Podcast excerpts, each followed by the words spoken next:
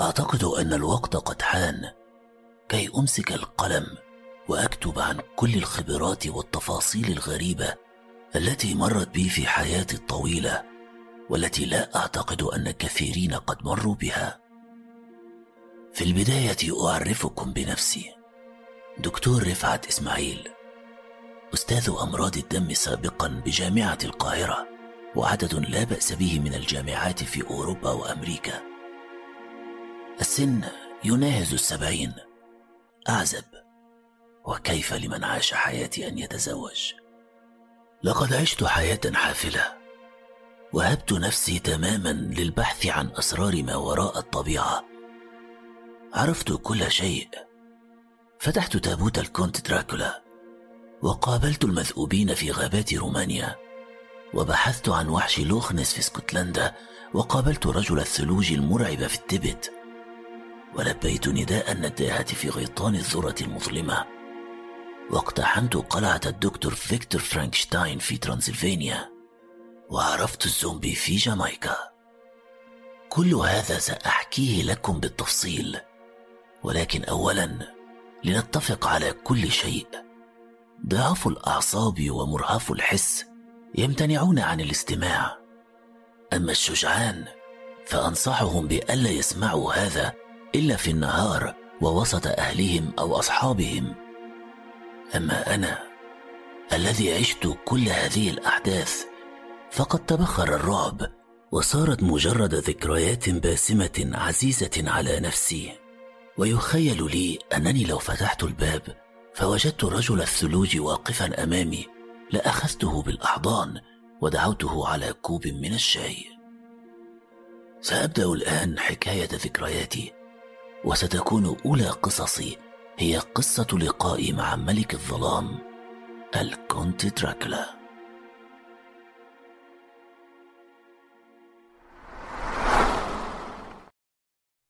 كنت في ذلك الوقت شابا في الخامسة والثلاثين من عمري لا أعرف شيئا عن عالم ما وراء الطبيعة وكنت أؤمن أن العلم قد عرف كل شيء.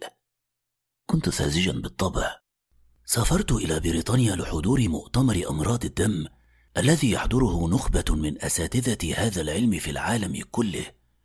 لكن كما هو معروف ليست المحاضرات مشوقة إلى هذا الحد.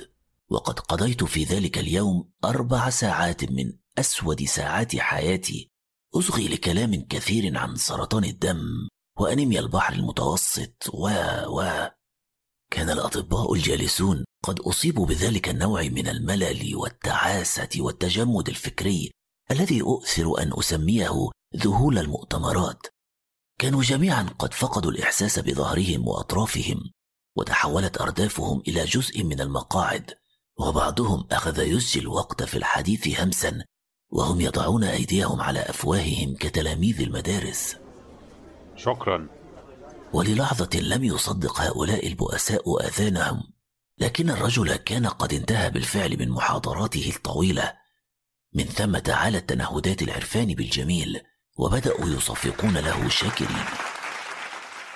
كان المحاضر كهلا وسيما اسمه ريتشارد كامينغز. قابلته في مصر أكثر من مرة وانبهرت به بشدة. كان شامخا مهيبا عصبيا مغرما بالتاريخ والفن. وكان يعشق تاريخ الفراعنة وكانت هذه نقطة تلاقينا. بعد المحاضرة قابلته وعلى الفور هش وبش لي وبدت السعادة على وجهه بل إنه صافحني وهو شيء غير معتاد من الإنجليز. ثم إنه سألني عن رأيي في المحاضرة فكذبت عليه في كياسة قائلا إنها رائعة. دعاني إلى بيته الريفي في يوركشاير لأنني كما قال إنسان متحضر وشديد الإخلاص للعلم. لهذا وكما علمتني التقاليد الإنجليزية الصارمة وجدتني أجتاز مدخل حديقة البيت الإنجليزي الجميل في تمام السابعة مساء. وكان القمر يرخي ضوءا هادئا رقيقا على غصون اللبلاب المتدلية فوق سقف البيت المنحدر. وفي الحديقة كنت تشم روائح غير مألوفة لزهور لا تعرف اسمها. وفي الداخل كان البيت أنيقا بسيطا بيت أسرة كاثوليكية متدينة. وفي قاعة الجلوس كانت هناك مجموعة كبيرة من الصلبان الأثرية ولوحة كبيرة للعشاء الأخير. وكانت زوجته في منتصف العمر مهذبة رقيقة. أما ابنته كاترين فكانت مراهقة لكنها أكثر تعقلا من سنها. وأدركت كم هم متدينون حين تلوا قبل العشاء صلاة المائدة. من ثم شعرت بالخجل من نفسي لأنني نسيت البسملة على الطعام قبل أن أبدأ الأكل. تمتمت أن بسم الله أوله وآخره. وشرعت أملأ بطني من الأصناف جميلة المنظر شنيعة الطعم التي عرف بها المطبخ الإنجليزي في أوروبا كلها. بعد العشاء وفي حجرة المعيشة المريحة جلس دكتور ريتشارد جوار المدفأة يدخن غليونه ويرشف القهوة في استمتاع. وقد بدا لكلينا أن الحياة لن تكون أبدا أروع مما هي عليه الآن. إيه شعورك وانت حفيد الفراعنة العبقرة؟ شعور بالندم والحسرة لأني ما حافظتش على حضارتهم وكل اللي اكتشفوه. أحيانا بتخيل إن ما بقاش في اكتشافات تانية بعد كل اللي اكتشفوه لحد النهاردة. يعني أعتقد إن زمن الاكتشافات خلص. وجاء وقت التطوير اللي بيبدأ فيه دور عالم زيي مؤمن بعلم ما وراء الطبيعة ومؤمن إن كل أسطورة ليها أصل القدماء ما وقفوش عنده. وده اللي هيخلينا نفتح أبواب جديدة. خد عندك أسطورة الكاونت دراكولا محدش حاول يتأمل فيها. كانوا مشغولين بأبحاث في الكهرباء الموجات الكهرومغناطيسية الإنشطار النووي المضادات الحيوية محدش وقف أبدا عند الأسطورة دي. عشان يجي دور عالم زيي يشوف إن الأسطورة دي ما جاتش من فراغ ويقف عندها اللحظة في شواهد تاريخية كتير مريبة. الدم السائل الأحمر رمز الحياة والموت مع بعض. خد عندك طقوس شرب الدم في الهند. آه، المومياوات اللي ليها أنياب اللي لقوها في الصين. آه، عندك يا سيدي مآدب أهل سبارتا اللي كانوا بيشربوا فيها الدم بالخل والتوابل. آه، تاني دم السلحفاة البحرية اللي بيشربوه في جامايكا لعلاج الروماتيزم. آه، كتب السحر في العصور الوسطى كلها بتتكلم عن طرد مصاصين الدماء وبيتكلموا عن ده كشيء مسلم به بشوية مرونة فكرية نقدر نأكد إن في وقت من الأوقات في مكان معين كان في مخلوقات كابوسية بتعيش على الدم زي دراكولا أوه. كان هذا هو صوت كاترين. وكانت قد دخلت الحجرة لتوها فسمعت آخر جملة وسرعان ما اعتذرت بأنها ترغب في الصعود لحجرتها. كده أفضل. في حاجات ما ينفعش الواحد يتكلم فيها قدام الستات. أنت فاهمني طبعا.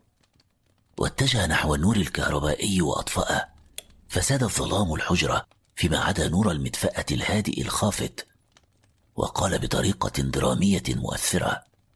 كده يبقى الجو مناسب للكلام الرهيب ده. أحسست بالرجفة تسري في ظهري وكان منظر لهيب المدفأة يذكرني بالمشوار الذي ينتظرني بعد هذه الأمسية في العودة لفندقي. البرد والخوف. توقف دكتور ريتشارد أمام إحدى اللوحات المعلقة يتأملها على ضوء المدفأة المتراقص. أنا دورت سنين طويلة مع عالم صديقي والنهاردة أقدر أقول لك إننا برهنا بالدليل المادي على وجود الكاونت دراكولا. دوت الكلمة الكابوسية في الظلام فأجفلت لها في مقعدي. والواقع أن دكتور ريتشارد كان مخرجا مسرحيا رائعا. القصة زي ما كل الناس عارفة هي قصة الكاونت اللي كان عايش في ترانسلفانيا في القرن 14 وكان شرير لكنه ما كانش من الموتى الأحياء. لحد ما جاء كاتب نشيط سماه دراكولا يعني الشيطان وخلده برام ستوكر في القصة المشهورة اللي الناس بيخافوا منها لحد دلوقتي. وبعدين عندنا في السينما العالمية فينسنت برايس آه، لون تشاني عشان يكملوا الصورة. النهاردة أقدر أقول إن دراكولا كان موجود فعلا زي ما حكت عنه القصص من غير مبالغة.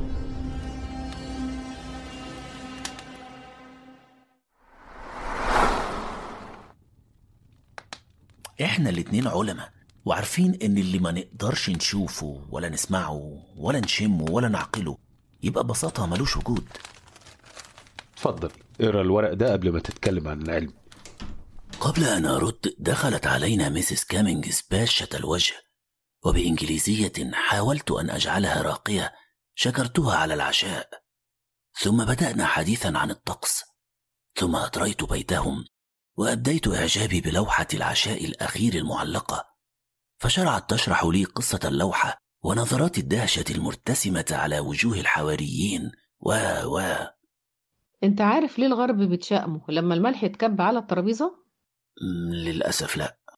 لأن يهوذا الخاين مرسوم في اللوحة والملح واقع على الترابيزة قدامه. شاف وشه؟ باين عليه كل خطايا البشر وهو خاضع للشيطان ومستسلم لده وكأن مفيش طريق تاني. كنت في هذه اللحظة قد دخلت في عالم اللوحة لكني كذلك كنت أفكر في المسافة الطويلة التي تفصلني عن الفراش الدافئ وقراءة هذا المظروف الذي أحمله. وحين عدت للفندق تمددت في الفراش وتأملت المظروف الذي أعطانيه دكتور ريتشارد. وكان مليئا بأوراق قديمة وصور فوتوغرافية. كانت إحدى الصور لقصر أثري غريب. وأخرى لتابوت رخامي مغلق. ثم صورة لشيء لم أفهم ما هو. ثم صورة للوحة زيتية تمثل رجلا ملتحيا طويل القامة. أما قطعة الورق الصفراء المهترئة فكان بها خريطة مرسومة بحبر أسود لقصر مجهول به سراديب سميت بأسماء سلافية لم أعرف حتى كيف أقرأها. ألغاز كثيرة جدا. أخيرا ورقة بالإنجليزية بخط دكتور ريتشارد تقول شهور وإحنا بندور في سراديب قصر الكاونت دراكولا في ترانسلفانيا اللي السلطات كانت منع السياح تزوره لأنه آيل للسقوط. لحد ما لقينا الخريطة اللي دلتنا على توابيت عيلة الكاونت في سرداب قديم مليان وطاويط فتحنا كل التوابيت لحد ما لقينا الموميا بتاعة الكاونت ولقينا على صدرها صندوق من العاج في رسالة كتبها خادم الكاونت للأجيال اللي هتيجي من بعده. رسالة بيقول فيها أنا خادم الكاونت جساب ميخائيل. بكتب الرسالة دي عشان أحذر أي حد هيجي بعدي من خطر شنيع. الشيطان اختار المنطقة دي عشان تبقى مقر ليه دراكولا هو أول مصاص دماء يتولد في البلد دي. كان الفلاحين عارفين إنه قاسي وظالم واستخدم جيش من المرتزقة عشان يفرض سلطته. كل ده خلاهم يسموه الشيطاني أو دراكولا بدأ الكاونت كل يوم بالليل يشرب خليط من دم الخنازير والنبيذ والتوابل وكان بيقول إن الخلطة دي بترجع الشباب. وبعدين بدأ يدرس السحر الأسود ويبقى غريب وينعزل أكتر. بدأ وشه يطول ونبرة صوته تبقى شبه عواء الذئب في ليالي اكتمال القمر. وبقى بيخرج بالليل ويرجع الفجر ويقعد بالساعات في بدروم القصر لوحده وما بقاش ياكل لحد ما لقيت تفسير لحالته في كتب السحر. عرفت إن الخلطة اللي بيشربها هتخليه خالد بأشنع طريقة وإنها بتحول اللي بيدمنها لخفاش بشري. بيتغذى على دم البشر بالليل وبينام في تابوت بالنهار ويموت لو شاف ضوء الشمس. وكان لازم أعرف إيه اللي بيحصل. تاني يوم الصبح استجمعت شجاعتي ونزلت بدروم القصر اللي فيه توابيت عيلته. كانت ريحة العطن مالية المكان والفيران في كل حتة. وفي تابوت رخام لقيت اللي كنت بدور عليه. ما بيتنفس وشه شاحب كأنه ميت. على شفايفه نقط دم لسه ما نشفتش وعينيه مفتوحة. قربت من شفايفه واستجمعت شجاعتي وفتحتها ولقيت سنانه حادة ومدببة زي سنان الحيوانات المفترسة. اترعبت وعقلي اتشل وجريت وأنا ما بفكرش غير في حاجة واحدة إني لازم أهرب. مش عارف أهرب أروح فين. ونسيت أقفل التابوت. كل ده معناه إن الكاونت بقى مصاص دماء وبقى عار على نفسه وعلى غيره. عندهم حق أهل القرية لما كانوا بيرسموا الصليب لما يعدوا من قدام القصر. وهو ده السر ورا جثة المتسول العجوز اللي لقوها جنب القصر وكان فيه خرمين في رقبته. وعشان كده شال الكاونت الستاير البيضة والأيقونات وده كان سبب صوت العواء اللي كان بيهز القصر في ليالي اكتمال القمر. رجعت تاني أقرأ في كتب السحر. مصاص الدماء ده كابوس واجبي ألاقي دواء للكابوس ده. وخاصة إنه لسه ممصش دمي لحد دلوقتي يمكن عشان محتاجني. قتل مصاص الدماء سهل. هو بيموت من أي رمز ديني. هو مخلوق رمزي. وجوده رمز وموته بيتم بالرموز. زي الضوء واللون الأبيض والفضة وكل الكتب السماوية بتقتله. بس أفضل طريقة هي دق وتد من الخشب في صدره وتتقرأ عليه صلاة الموتى. وكانت كتب السحر بتحذر إن زي ما مصاص الدماء رمز فموته كمان رمز. وإنه بيرجع للحياة مرة كل مئة سنة عشان ينشر الفساد في الأرض.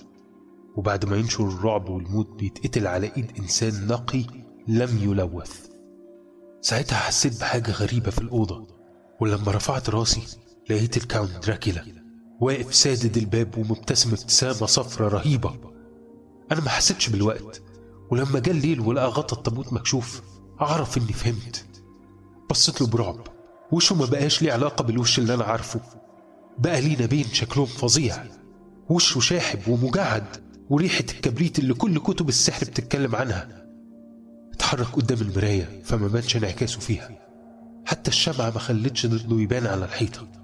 صرخت يا رب انقذني. اتخض ورجع لورا. فجريت بأقصى سرعة لأوضتي وقفلت الباب بالمفتاح وأغمى عليا على السرير. وآخر حاجة شفتها أكرة الباب بتتحرك بس الباب كان مقفول. أيوة الكاونت بقى خليفة الشيطان في الأرض. هو عارف إنه مريض. وأنا قررت أريحه. هقتله النهاردة كتب السحر قالت إنه هيموت على إيد راجل نقي وأنا الراجل ده. أنا القاضي والمدعي والجلاد مع بعض. هنزل ومعايا الخنجر الفضي والشوم وبإيماني قبل كل ده. ولو كنت ملوث ومت فاللي هيلاقي الرسالة دي هيعرف اللي عرفته. وهيستنى رجوع الكاونت كل مئة سنة عشان ينتصر اللي معاه الحق. خادم الكاونت جيسيب ميخائيل في عام الرب 1559 بعد نهاية الرسالة وجدت تعليقا صغيرا بخط دكتور ريتشارد يقول إنهما وجدا مومياء الكونت وعلى صدرها هذا التحذير للأجيال القادمة وأن هذا يعني أن الخادم وفق في مهمته. انتهت المذكرات. أغلقت مفتاح الأباجورة وأغلقت عيني لأريحهما في الظلام. إذا فهذه الخزعبلات هي ما يشغل ذهن العالم العظيم وكل هذا الكلام الأبلة الذي يقولونه في أفلام الرعب الرخيصة عن الهنود والإسبرطيين ومومياوات الصين. هراء! ومضيت أسلي نفسي بمحاولة تخيل شكل الشر في العالم. غول أحمر العينين. أخطبوط له ستة أذرع. لم أستطع. ولسبب لا أدريه لم تفارق ذهني صورة وجه يهوذا في لوحة دافنشي النظرة التعسة الآثمة نظرة الخاطئ الذي لا يملك سوى أن يخطئ. ولم أدري كيف ولا متى غرقت في سبات عميق. في اليوم التالي وبعد انتهاء جدول أعمال المؤتمر لهذا اليوم قابلت دكتور ريتشارد في كافيتيريا المؤسسة يرشف القهوة ويدخن. حييته وقد بدا لي أن الليلة السابقة كانت مجرد شيء سخيف وبعيد جدا. قريت الورق؟ أيوة قريته. وإيه رأيك؟ صراحة أنا شايف إن الموضوع كله عبارة عن خزعبلات. خزعبلات؟ أنت شايف إن أنا وواحد من أعظم علماء التاريخ في أوروبا كنا ضحية لخدعة قذرة لفقها واحد ظريف؟ طيب طيب. والظريف ده عمل كل المجهود ده عشان يجهز الورق ويجهز الموميا واستنى كل السنين دي لحد ما يجي واحد مغبول زيي يدور في السرداب ده لحد ما يلاقي الحاجات دي. ده يبقى هزار سخيف. مفيش حاجة تثبت رأيي بس كمان مفيش حاجة تنفيه. هز رأسه في ضيق ثم عاد لبروده الموروث وقال أنا عايزك تجيلي النهاردة في نفس الميعاد عشان في حاجة جديدة عايزك تشوفها. مرة أخرى على العشاء أجلس أمام نظرات يهوذا الآثمة. على الناحية الأخرى من المائدة يجلس البروفيسور ماكس لوفاريسكي. وهو كما عرفت أنت يهودي لم يكف لحظة عن الحديث عن ما عاناه في معتقلات النازيين. لماذا خلق الله العلماء مملين إلى هذا الحد؟ بعد العشاء التفت إلي دكتور ريتشارد وقال اللي هوريهولك دلوقتي ده خلاصة أبحاث سنين من عمري. أنا والبروفيسور لوفارسكي. أنا مش هطلب منك إنك تقتنع بس هطلب منك إنك تحترم اللي هتشوفه. وده من حقي. بس كل اللي هتشوفه ده لازم يفضل سر بينا أوعدك. نهضت معهما إلى القبو قبو البيت الإنجليزي الأنيق حيث رائحة الخمر المعتق والعطن ورائحة شيء ما لم أستطع أن أحبها. أزاح دكتور ريتشارد الخيش عن صندوق مغلق في أحد الأركان وفتحه ثم هتف بلهجة مسرحية. وهي دي يا سادة مومياء الكاونت دراكولا من العدل أن أقول إنني لم أشعر برهبة ولا فضول ولا شيء على الإطلاق بل ظللت محتفظا بتعبير رجل العلم الذي لا يندهش من شيء ولكن يهتم به. كانت مومياء عادية لها كل مزايا وعيوب أية مومياء أخرى. جلد متآكل خصلة شعر متناثرة أنف مجدوع. شيء واحد كان مختلفا. الأسنان. لماذا كانت في فك هذا الشيء تلك الأنياب الحادة الشبيهة بأنياب الذئاب؟ ابتسم دكتور كامينجز في تشف وهمس. إيه رأيك؟ لم أرد. بل سألت لوفاريسكي. وإزاي يا دكتور لوفاريسكي؟ عرفتوا تجيبوه هنا؟ هربناه بطريقة معقدة على إنه شحنة أدوات حفر. والسلطات في ترانسلفانيا ما يعرفوش إنه هنا وعشان كده ما دوروش عليه. أشعل دكتور ريتشارد كامينجز عود كبريت وقربه من المومياء. فجأة انطفأ فهتف. شايف؟ في غاز خامل بيطلع من الموميا. وإيه الفايدة من تضييع كل الوقت والمجهود ده؟ الحقيقة الحقيقة اللي هتخلي للعلم مرونة تكفي إنه يستوعب الأساطير وكل معتقدات الشعوب البدائية. وهتعمل انقلاب ما حصلش زيه في العالم قبل كده. اللي قدامنا دلوقتي ده هو الدليل الحي على وجود السحر. صعدنا لحجرة المعيشة بعد دقائق وجلسنا في صمت حول مجموعة من المستندات القديمة. أنا لسه مش فاهم إيه اللي خلاكم تعرفوني أنا بالذات كل ده؟ أنت مسلم يا دكتور رفعت. وبعدين؟ وأنا كاثوليكي وبروفيسور ليفارسكي يهودي. يعني الشهود على المعجزة دي نماذج للأديان الثلاثة؟ معجزة إيه؟ رجوع دراكولا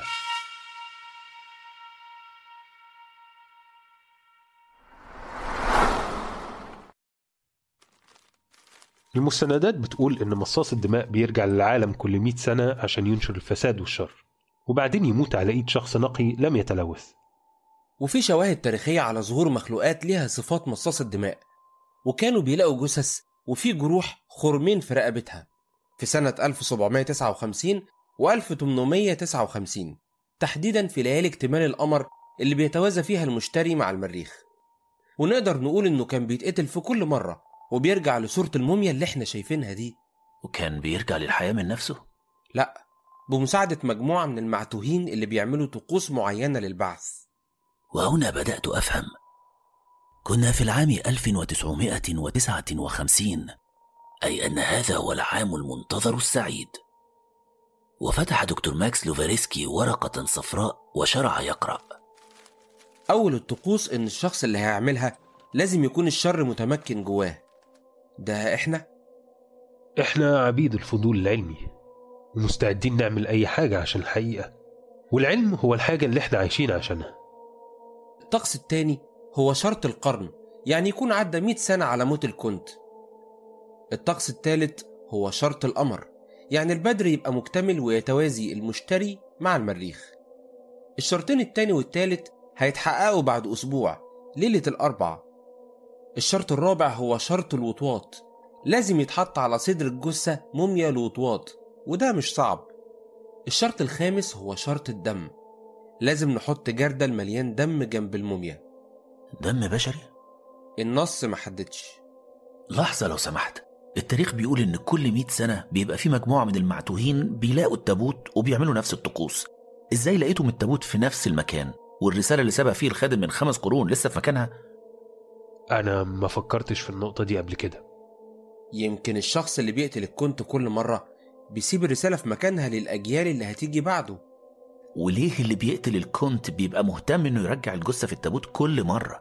ليه ما بيدفنهاش في أي مكان أو يقطعها أو يحرقها؟ ما كنتش أعرف إن اللي بيقتلوا مصاص دماء منظمين للدرجة دي. ساد الصمت للحظات وأدركت في فخر أن الرجلين يكرهانني في جنون. لكن هذا هو العلم وهما يعرفان هذا خيرا مني. طيب يا دكتور رفعت.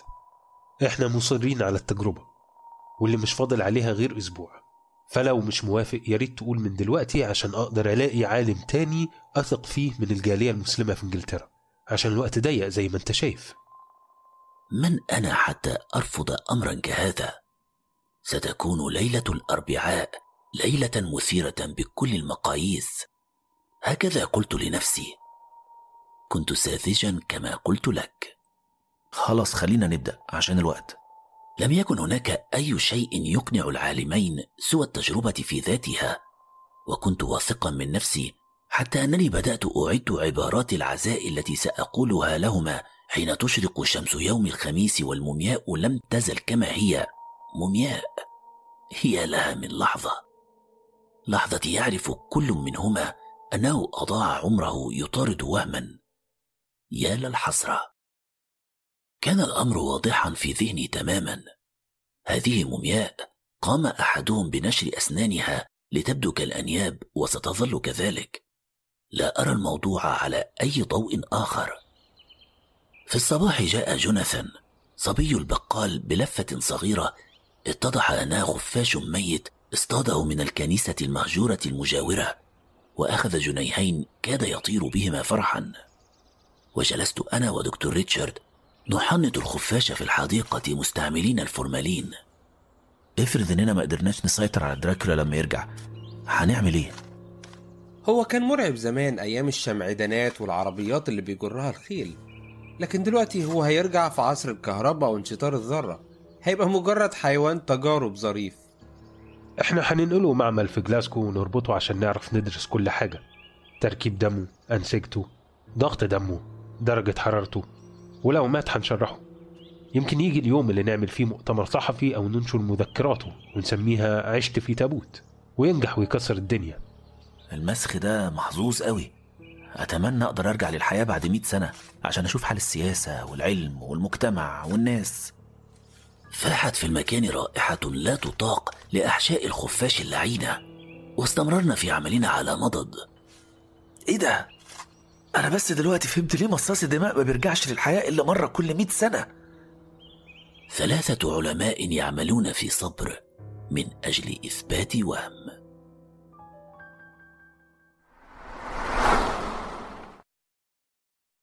جلست في حجرتي المريحة التي أعطانيها دكتور ريتشارد في بيته الريفي الجميل. كنت قد غادرت الفندق من ثلاثة أيام لكني تركت هنالك أمتعتي لسبب ما. لم أدر ما هو. شعور غامض في أعماقي جعلني أترك جزءا من ذاتي خارج جدران هذا البيت. أشعلت سيجارة وشرعت أفكر. ما الذي جعلني أقحم نفسي في هذه القصة؟ إنه ذلك الولع المجنون بالمجهول. تلك اللذة الحريفة الكامنة في قصص جدتي عن الغولة والنداهة. وكنت أتساءل كيف تبدو هذه المخلوقات؟ ولماذا اختار الفولكلور الشعبي لها صورة الأنثى؟ ثم كبرت وبدأت أذهب للسينما وشاهدت لون تشاني ذا الألف وجه وفينسنت برايس يلعبان دور الكونت الغامض شارب الدماء. لكم فتنتني شخصية دراكولا ولكم حيرتني ولكم أفزعتني.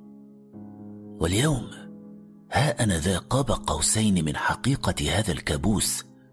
بل إن صدق أو لا تصدق مومياء هذا الكنت ترقد في بدروم البيت الذي أنا فيه الآن. بل إن موعد استيقاظها هو بعد ثلاثة أيام لا أكثر. ماذا سيقول أصدقاء طفولتي في المنصورة لو عرفوا ما أنا فيه الآن؟ الآن كل شيء معد. دلو دم الخنزير الخفاش المحنط ورفقة اثنين من العلماء حاد المزاج لا يهمهما سوى العلم أيا كانت نتائجه الوبيلة. أضأت الأباجورة فوجدت جوار السرير مجموعة كتب وعلى السطح كانت رواية برام ستوكر الشهيرة دراكولا. لابد أن دكتور ريتشارد تعمد وضعها جوار سريري لجعلي أعيش في الجو. أطلقت سبة في سري ثم فتحت الرواية وبدأت أحداثها تجرفني يا للخيال المروع العبقري المريض. لكم أحسد مؤلفها. كنت قد وصلت للجزء الذي يدخل فيه الكنت على ضيفه الغافل موثق العقود جوناثان هاركر وهو يحلق ذقنه. وهنا يفكر الموثق كيف لم أرى هذا الرجل في مرآة الحلاقة؟ وتتصلب عين الكونت على جرح في عنق موثق العقود نجم عن الحلاقة و كنت قد وصلت لهذا الجزء حين دق الباب فأشفلت ثم عدت لعالم الواقع فنهضت للباب وفتحته. كان القادم هو دكتور ريتشارد. انت نمت؟ لا لسه. واضح إنك بتستعد لضيفنا. رواية غبية. اتعلمت منها حاجة؟ اتعلمت ما احلقش دقني قدام دراكولا عشان ما اعورش نفسي وساعتها وإيه كمان؟ اتعلمت ما اثقش في الناس اللي صورتهم مش بتنعكس في المراية. انفجر دكتور ريتشارد يضحك. كان يرتدي الروب وتحته قميص وربطة عنق وقد بدا غاية في الأناقة والوسامة ثم أنه أشعل سيجارة ولم يقدم لي واحدة كعادته وجال بنظره في أرجاء الغرفة. هم. هو ليه ما فيش حواليك آيات قرآنية؟ أشرت إلى الكومودينو بجوار الفراش إلى المصحف الصغير الذي أعطتني إياه المرحومة أمي قبل أول سفر لي بالخارج. المصحف جنبي ده للقراية مش عشان يحميني من مصاص الدماء بتاعك. هز رأسه مؤيدا ونهض في تثاقل متجها إلى الباب مرا أمام المرآة المزخرفة المعلقة. لا لابد أنني متوتر الأعصاب. هل المرآة غير مصقولة أم أن الإضاءة غير كافية؟ أم أنها أم أن هذا الرجل لا يعكس ظلا في المرآة بالفعل؟ ليه شكلك خايف كده؟ ما فيش حاجة. ده تأثير الرواية بتاعتك مش أكتر. رفعت. في حاجة مهمة. إيه هي؟ في حاجة عايز أعملها بس مش عايز دكتور ليفارسكي يعرف. توعدني. أوعدك. تعال وراي البدروم كمان عشر دقايق. وألقى سيجارته وانصرف في تؤده. بمجرد أن خرج أغلقت الباب وهرعت للمرآة. إن صورتي واضحة فيها. ولكن ما أكثر ألاعيب الضوء؟ رب زاوية انكسار كاملة تحيل الماء إلى مرآة. فلماذا لا تتحول المرآة في زاوية ما وإضاءة ما إلى سطح غير عاكس؟ وحتى إذا لم تعكس المرآة صورته ما معنى ذلك؟ أنا لا أؤمن بالأشباح. وحتى إذا طبقنا منطق الخرافة نفسها فلا توجد أي ضرورة لهذه الزيارة ولم يستتبعها شيء لماذا يريد دكتور كامينجز لقائي في البدروم؟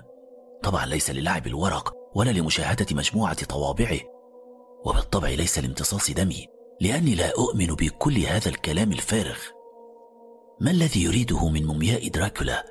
ما الشيء الذي لا يريد أن يعرفه دكتور لوفاريسكي؟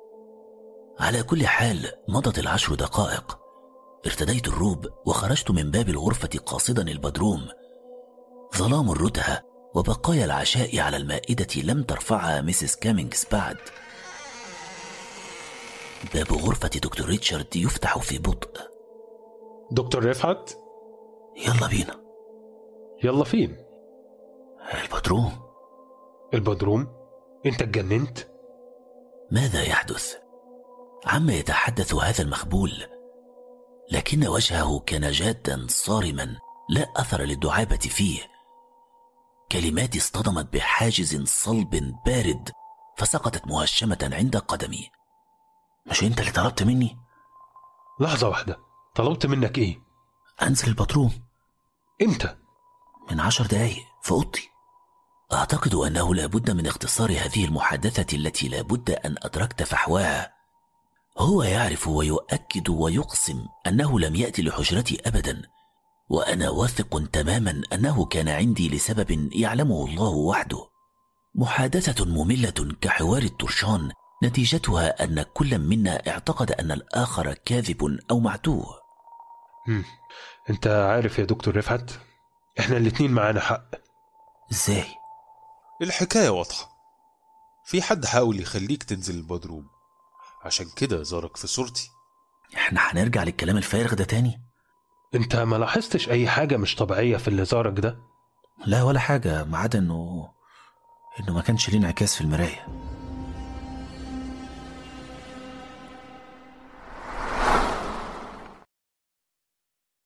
تحب تاخد شريحة جامون يا دكتور رفعت؟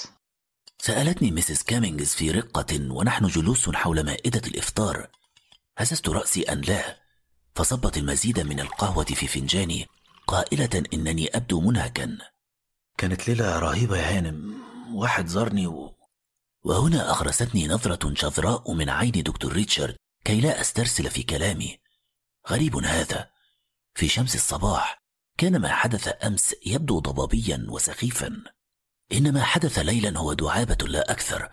أو هو على أقصى افتراض هلوسة شاذة نتيجة لقراءتي لقصة برام ستوكر الشنيعة بعد الإفطار دخلنا مكتب دكتور ريتشارد والتففنا حول صاحب الدار الذي أشعل سيجارة وقال مبتسما امبارح جت لدكتور رفعت زيارة لطيفة.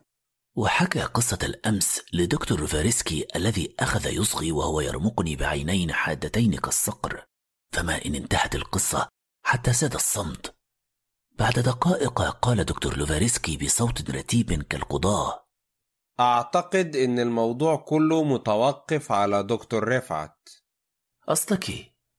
قصدي إن مفيش شك في قصة دكتور ريتشارد لكن قصتك محتاجة مناقشة. قصدك إني بكذب؟ لا قصدي إنك بيتهيألك هززت رأسي. الواقع أنني أنا نفسي لم أعد واثقا من شيء. كل ما رأيت كان ملموسا وماديا إلى حد مرعب لكني لم أهلوس من قبل. لربما كانت كل الهلاوس مقنعة هكذا. ثم تذكرت شيئا يالي من أحمق.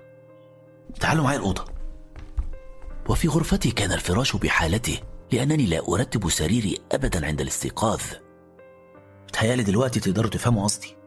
وأشرت إلى رواية برام ستوكر المفتوحة والمصحف الصغير على الكومودينو.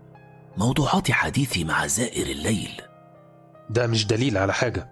طبيعي إن حاجات من اللي موجودة فعلا في أوضتك تدخل في هلوستك. طب ودي؟ نظر إلى ما أشير إليه. الدليل الدامغ على سلامة عقلي. هناك على مشمع الأرضية كان عقب سيجارة محترق. سيجارة من النوع الذي يدخنه دكتور ريتشارد ولا يدخنه أحد غيره. دي حاجة بسيطة. أكيد دكتور ريتشارد ادالك سيجارة من عنده. عمره في حياته ما اداني سيجارة. اسمع يا صديقي الحياة معقدة بما فيه الكفاية ومش مستاهلة كل ده. كل الدوشة اللي انت عاملها دي على على عقب سيجارة؟ أنا بقول إني واثق إن في شخص أو شيء جالي أوضتي بالليل وطلب مني أنزل الباتروم. وعقب السيجارة ده هو الدليل على كلامي. دكتور ريتشارد ليه مش عايز تقول إنك كنت بتهزر وتريحنا من السفسطة دي؟ احترم نفسك أنا ما بكدبش. بس التفسير العلمي الوحيد هو إنك بتكذب. أنا ما أسمحلكش. ويا ريت تتكلم بأدب أكتر من كده مع راجل في سن والدك. واشتعلت الكلمات وأظن أنني كنت على وشك ضربه أو هو على وشك طردي لولا أن تدخل دكتور لوفاريسكي بجسده البدين بيننا مهدئا النفوس. يا جماعة لو سمحتم إحنا نسينا حاجة. هو دكتور رفعت كان المفروض يعمل إيه في البدروم؟ معرفش. ولا أنا.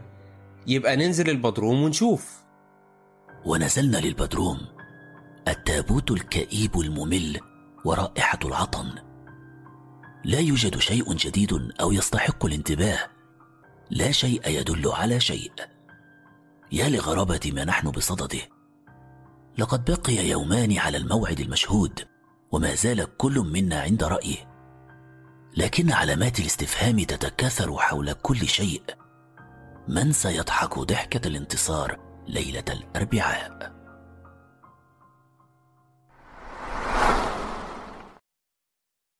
في منتصف الليل صحوت على صوت زجاج يتهشم.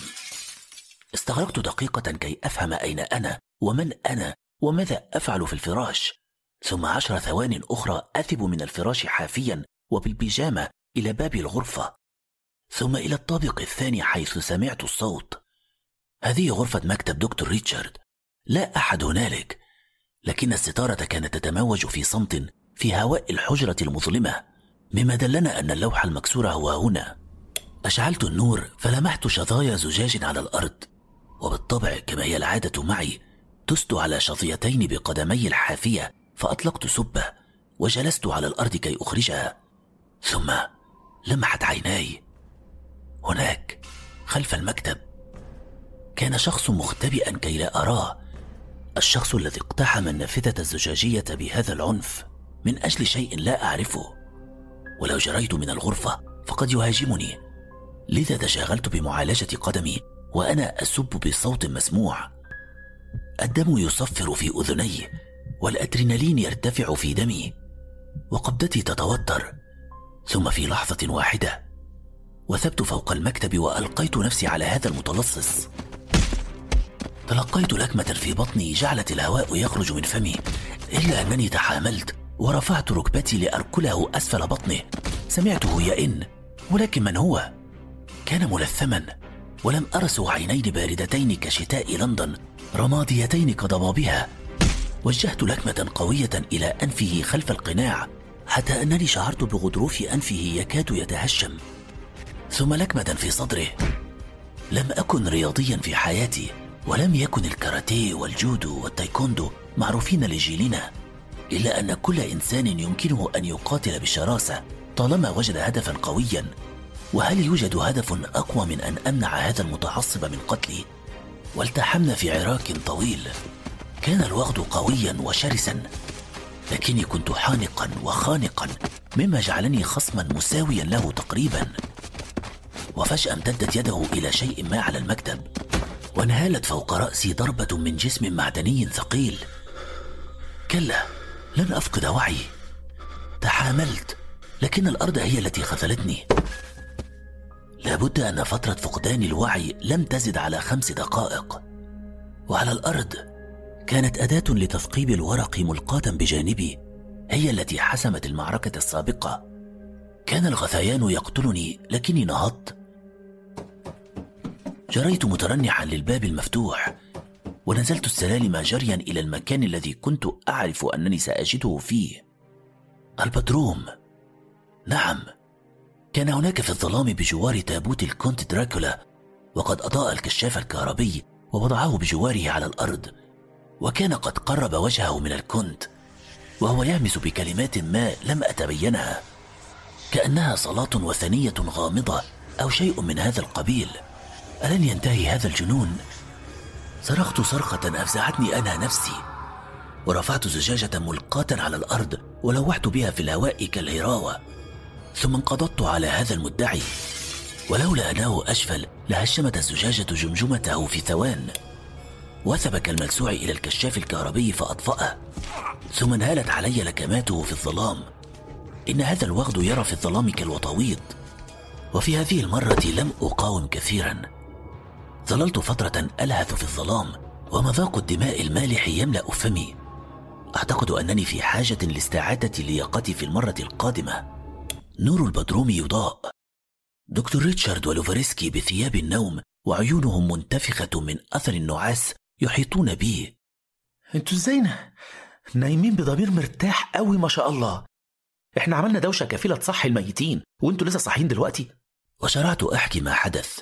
وما أن سمع دكتور ريتشارد قصتي حتى امتقع وجهه ووثب كالقط إلى غرفة المكتب. وهنا جل خاطر مرعب في ذهني. ماذا لو عاد كعادته من أعلى ليقول إنه لا يوجد لوح زجاج مكسور وأنني كنت أهلوس إلا أنه عاد بعد دقائق وقد بدا عليه الاهتمام وهو يحمل معه أداة لتنقيب الأوراق تلك التي كادت تهشم رأسي منذ دقائق. أنت كنت محظوظ. أشرت إلى الزجاجة المكسورة الملقاة على الأرض وقلت هو الحقير ده كمان محظوظ زيي دكتور رفعت إحنا ناس متحضرين وكل اللي حصل ده ما يمنعش إننا نجهز نفسنا ونلبس هدوم مناسبة عشان نتناقش في اللي حصل بشكل متحضر. خلينا نتقابل في مكتبي بعد عشر دقايق. آه من هؤلاء الإنجليز. يريد مني حين أجد لصا في داري أن أنهض من الفراش وأمشط شعري وأرتدي ثياب السارة ثم أذهب إليه وأنحني كجنتلمان قائلا "أه، سيدي إذا لم تغادر داري خلال دقيقة أعتقد أنني سأصل بصددكم إلى قرارات خطيرة. آه تبا. المهم أنني عدت لحجرتي وارتديت ثيابي وتأملت وجهي في المرآة. لم تكن هناك عاهات مستديمة والحمد لله. ولكن ماذا سيكون تفسير هذين السيدين لمغامرة القصيرة الفاشلة؟ وفي غرفة المكتب حيث الستارة لم تتطاير. سألت الرجلين. ها إيه رأيكم دلوقتي؟ لو عايز رأيي أنا شايف إن كل الحاجات الغامضة اللي بتحصل دايما فيها حاجة واحدة مشتركة. كل مرة نقابلك نلاقيك يا إما رايح البدروم أو نايم فيه. أنا مش عارف إيه القصة اللي هتقولها لنا بعد كده عشان تبرر نزولك البدروم بالليل. أنتوا فاكرين إني بحب البدروم والموميا السخيفة دي؟ وبكتب عليكم عشان أبرر عشقي للقعدة جنب التوابيت في الضلمة. أنا ما قلتش كده. كل اللي قلته إن في حاجة بتشدك عشان تنزل البدروم لوحدك بالليل. ده ما خطرش على بالي قبل كده بس بس معاك حق. ولنفرض إن ده صح. إيه اللي المفروض يحصل هناك؟ ده اللي اتجمعنا عشان نفكر فيه. وليه ما يكونش الشخص اللي جاب الليل ده حرامي؟ مجرد حرامي عادي. الحرامية ما بيقعدوش جنب التوابيت علشان يقروا صلاة غامضة. انت قلت كده بنفسك فاكر؟ والحرامية ما بيكسروش الإزاز بالطريقة العشوائية دي. ده حرامي غبي أو كان عايزك أنت تسمعه. والحرامية ما بيدخلوش البيت من الدور التاني طالما في شبابيك في الدور الأول. في حاجة أغرب. أخدتوا بالكم من شكل الكسر اللي في الإزاز؟ الكسر مجرد فتحة صغيرة مش ممكن تعدي إنسان. بس تعدي. بالظبط. تعدي وطواط الألغاز بتزيد. أقول لكم رأيي أعتقد إن في جماعات سرية أو مجموعة من عبدة الشيطان عارفين إن الموميا هنا وبيحاولوا يسرقوها. لكن محدش يعرف اللي إحنا عارفينه. طالما وصلنا للمعلومات دي عن طريق المخطوطات فإيه اللي يمنع من إنهم يوصلوا لها؟ وده يخلينا نتعامل مع الموضوع بحذر أكبر. فاضل يوم واحد وعايزينه يعدي على خير بأي طريقة. مفيش زيارات غامضة تاني للبدروم. عشان المرة الجاية مش هتعدي على خير. أنا عايزك ترجع مصر حتة واحدة من غير ثقوب. ونزل الرجلان السلم في حين تخلفت عنهما. كنت أفكر ما دام اللص لم يدخل من النافذة فهو أحد المقيمين بالبيت. وما دام قويا فهو رجل. وما دام ليس أنا فهو أحد العالمين. وما دام رمادي العينين قوي البنية فهو ليس دكتور لوفاريسكي. اذا هو نعم إن هذا يتفق مع ما حدث بالأمس. دائما هو دكتور ريتشارد في كل حادث غامض ثم يظهر ليؤكد لي أنني أهلوس. لكن ما الذي يخفيه هذا الرجل؟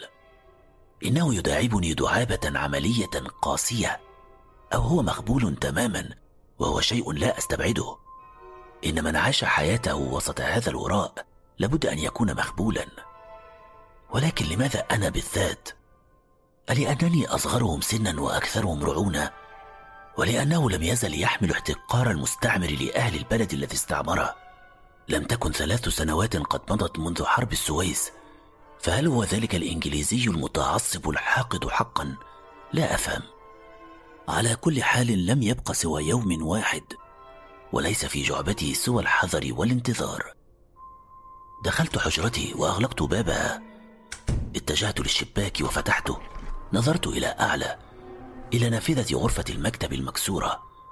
خيل لي أن شيئا ما يخرج ببطء من فتحة الزجاج. ثم تبينت ما هو. كان وطواطا صغيرا سرعان ما فرد أجنحته مرفرفا. ودار دورتين في الهواء ثم اختفى في الظلام.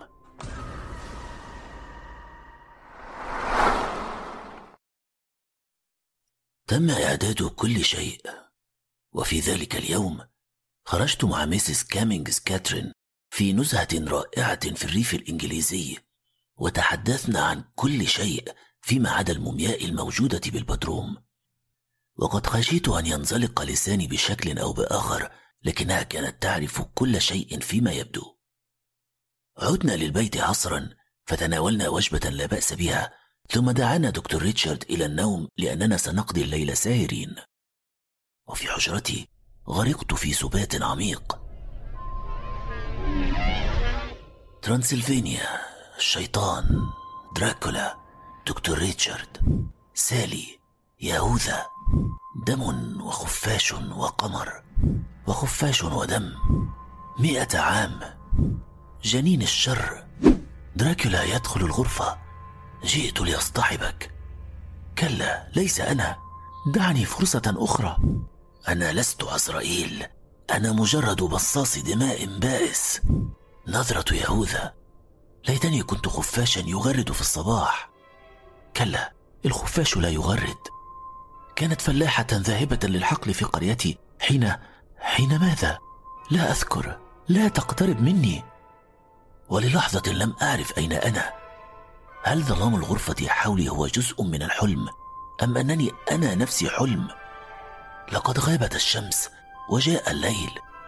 ولكن لماذا لم يوقظني أحد؟ وهنا أدركت ما أيقظني. إنه صوت خطوات غريبة تمشي في الردعة خارج الحجرة. ثمة شيء مريب في هذه الخطوات.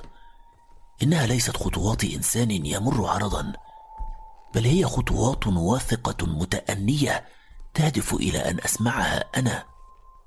بحذر مددت يدي للأباجورة بجوار السرير وفككت سلكها واتخذت منها أداة صالحة للضرب. وببطء اتجهت للباب. وهناك لشدة ذهولي تجددت الخطوات وتجمد الدم في عروقي. صاحب الخطوات يقف الآن خلف الباب مباشرة. أهو ريتشارد. أم لوفاريسكي. ولكن لما هذا التلصص؟ مددت يدي إلى المقبض وفتحت الباب وعلى ضوء الردعة الخافت وجدت خيالا مألوفا. كاترين؟ دكتور رفعت. في حاجة حصلت. إيه اللي جابك هنا؟ وإيه اللي حصل؟ كانت شاحبة ترتجف. وعلى عينيها الزرقاوين الجميلتين غشاوة متجمدة من الدموع لم تنحدر بعد. مفيش حد هنا. مش فاهم. مفيش حد هنا. كل الأوض فاضية. مامي ودادي ودكتور لوفارسكي كل الأوض فاضية. كلهم؟ الساعة كام دلوقتي؟ الساعة 11 بالليل. ده فاضل ساعة على ميعاد رجوع المسخ. بس راحوا فين؟ هم يكونوا مشيوا؟ أنا خايفة يا دكتور رفعت. أنا كنت نايمة نوم عميق ولما صحيت ما لقيتش حد. كانت ترتجف كالورقة فمددت ذراعي وطوقتها. تحرك شيء في قلبي. للمرة الأولى فطنت إلى أنني عشت خمسة وثلاثين عاما من عمري وحيدا. يا له من شعور غريب أن تكون مسؤولا عن إنسان ما وأن يحتاج إليك إلى درجة البكاء. أخذت بيدها ونزلنا إلى البدروم. كل شيء كما هو والتابوت المشؤوم في مكانه ومومياء الخفاش ودلو دم الخنزير. انت عارفة إيه اللي كان المفروض يحصل الليلة؟ أيوة. وعارفة إن الميعاد فاضل عليه ساعة؟ أيوة. دورتي عليهم كويس في البيت؟ وفي الحديقة وفي البدروم مفيش حد. هم سابونا. نبلغ الشرطة بالتليفون. ما عندناش تليفون. وأقرب تليفون من هنا نوصله بعد نص ساعة مشي. عظيم. وهنا ساد الظلام التام البدروم لقد انقطع التيار الكهربائي ويا له من وقت لانقطاعه. أشعلت شمعة كانت ملقاة على الأرض. ظلانا ساقطان على الحائط كأن عملاقين يراقبان ما نفعله ونقوله.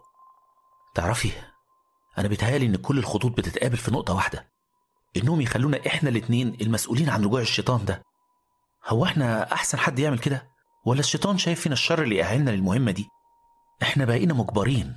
مجبرين ليه؟ إحنا نقدر نمشي من البيت وخلال نص ساعة نوصل للعمران وللدفى والأمان. لو عملنا كده هنفضل طول عمرنا نتحرق بنار الفضول وهنفضل نلعن جبننا ونسأل أسئلة ملهاش إجابة.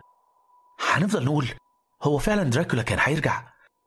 الظاهر إننا أحرار بس الواقع إننا متكتفين بالفضول العلمي. إحنا ما قدامناش غير إننا نكمل. وهنكمل بس من غير بس لو الفرصة دي ضاعت مش هترجع غير بعد مئة سنة. وساعتها هنكون شبعنا موت وهنموت من غير ما نعرف. كانت صغيرة السن ولم تفهم كل كلامي لكنها لم تكن تستطيع أن تتصرف وحدها. إن من دبر هذا الموقف لهو شيطان ذو عقلية جهنمية يعرف تماما أن من سيتعرض لهذا الاختبار هو لابد مستمر فيه. وهم راحوا فين؟ مش عارف بس هنعرف إجابة السؤال ده دلوقتي. المهم إننا نجهز المكان ده لاستقبال الكنت. بقيت عشر دقائق على منتصف الليل وأحضرت دلو دم الخنزير وقربته من التابوت ووضعت الخفاش المحنط على صدر المومياء ثم أطفأت الشمعة حتى لا تضايق سيد الديجور عند نهوضه. بعد سبع دقائق يتعامد المشترى على المريخ وينكشف وجه القمر من وراء الغمام. وبعد سبع دقائق يعرف العلم إلى الأبد ما إذا كان السحر خرافة أم لا وما إذا كان القدماء واهمين أم لا.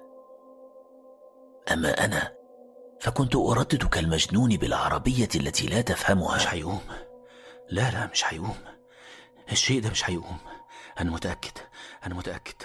بقيت أربع مش دقائق ثلاث.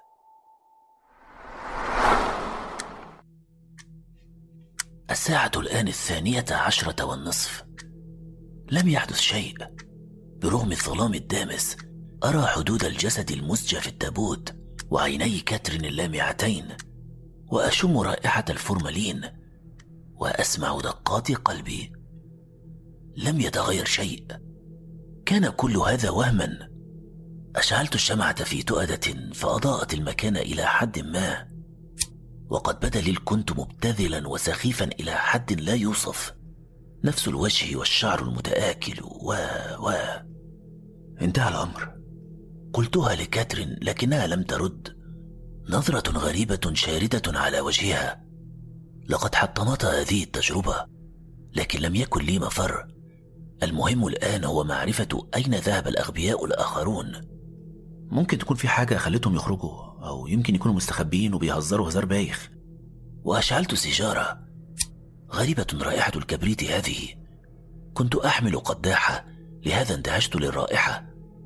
دكتور ريتشارد كامينجز الأحمق الذي أفنى حياته في ألعاب صبيانية وذلك اليهودي البدين. وأنا الذي سأرجع للقاهرة محملا بذكريات باسمة لا أكثر. رائحة الكبريت. الآن أستطيع القول إن العلم هو العلم وكل ما عداه هو خزعبلات. ولكن لماذا تنظرين إلي يا كاترين هذه النظرة الوالعة؟ كنت ما أزال وسيما محتفظا بشعري لكني لم أكن جذابا لهذه الدرجة خاصة لفتاة مراهقة. كاترين يلا نطلع. لم ترد. وفجأة انفجرت تضحك في هستيريا. تضحك وتضحك في الظلام. لقد جنت المسكينة. ثم نهضت وهي تترنح إلى إلى دلو الدم ومدت يدها فيه وأخرجت إصبعها السبابة ملوثا و ولعقته في تلذذ. كاترين بتعملي إيه يا مجنونة؟ التفتت إلي بشفتيها الحمراوين وهمست في صوت بارد. انت لسه ما فهمتش يا غبي. ما فهمتش؟ ما أغرب هذا الذي تفعله؟ لقد جنت تماما. التابوت ظل في مكانه كل هذه القرون ممددا به الكنت والصندوق العاجي على صدره. لهذا بدت لي قصة دكتور لوفاريسكي غير منطقية وملفقة لأنه لا يمكن أن يقتل في كل مرة ويعيدون تسجيته في التابوت بنفس الوضع.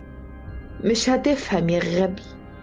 أسنانها تلتمع في الظلام وهنا فهمت كل شيء. لم يحدث أبدا أن نهض دراكولا من تابوته. كانت الطقوس تتم بجوار تابوته في كل مئة عام. من ثم تنتقل روحه لتحل في أحد ممارسي الطقوس. يصير هو دراكولا الجديد.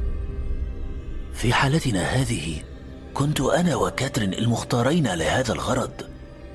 لهذا استبعد الآخرين بصورة ما. والآن كاترين بعد منتصف الليل تغيرت كثيرا جدا. كاترين شربت الدماء وتلتمع أسنانها الحادة في الظلام وتصدر رائحة الكبريت اللعينة وأنا حبيس معها في البدروم. لقد فهمت كل شيء متأخرا جدا. دكتور رفعت. تعالى صوت مغر قادم من عالم بعيد. إذا هذا هو كل شيء. تعالى ولهذا لم أتحول أنا أيضا. لأنه لا بد لمصاص الدماء الوليد من وجبة عشاء. وبماذا يتعشى إذا غدوت أنا أيضا مصاص دماء؟ وقبل أن أفهم أنا نفسي ما حدث أطلقت ساقي للريح. جريت كما لم أجر في حياتي. خرجت من القبو الردهة مدخل البيت. الظلام الدامس جعلني أصطدم مئات المرات بأشياء مجهولة. قلبي كاد يثب من حلقي. الحديقة وضوء القمر يغمرها وبدأت أركض أركض أركض. ومن بعيد لمحت أضواء العمران ورأيت أناسا عاديين.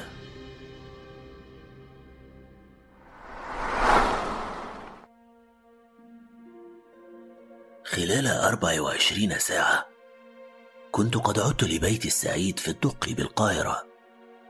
قضيت أياما عديدة أتخيل كاترين تهيم في الفلاة المحيطة ببيتهم تبحث عن عابر السبيل وتخيلتها تموت بوتد خشبي في صدرها.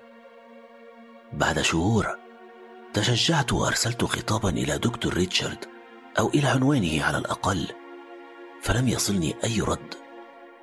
أرسلت ثلاثة خطابات أخرى إلى أن وصلني خطاب من مالك البيت الجديد يقول لي إن دكتور ريتشارد لم يعد يعيش هناك.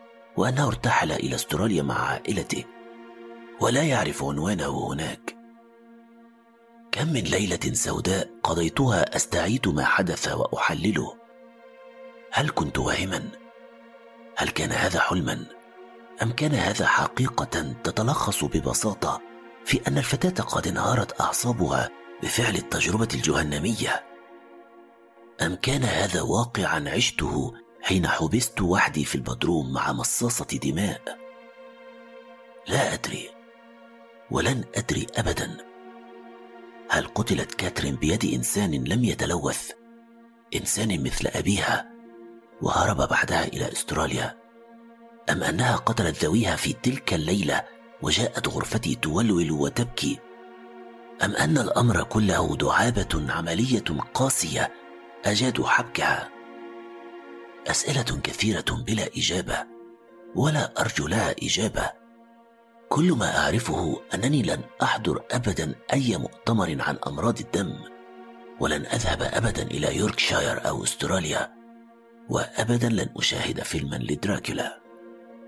شعرات عديدة شابت في رأسي وأنا أنتظر أن يصلني انتقام الكونت دراكولا إلى بيتي في الدق خاصة وأنا على ما أظن آخر من يعرف حقيقته. حزم ثوم علقتها خلف الشبابيك والأبواب وأوان فضيه وآيات قرآنية. لكن لم يحدث شيء والحمد لله إما لأن الله ستر أو لأني كنت واهما في مخاوفي. وبعد سنتين من هذه الأحداث قابلت شيطانا من نوع آخر في مكان آخر أنساني ما حدث تماما. لكن هذه قصة أخرى. دكتور رفعت إسماعيل القاهرة.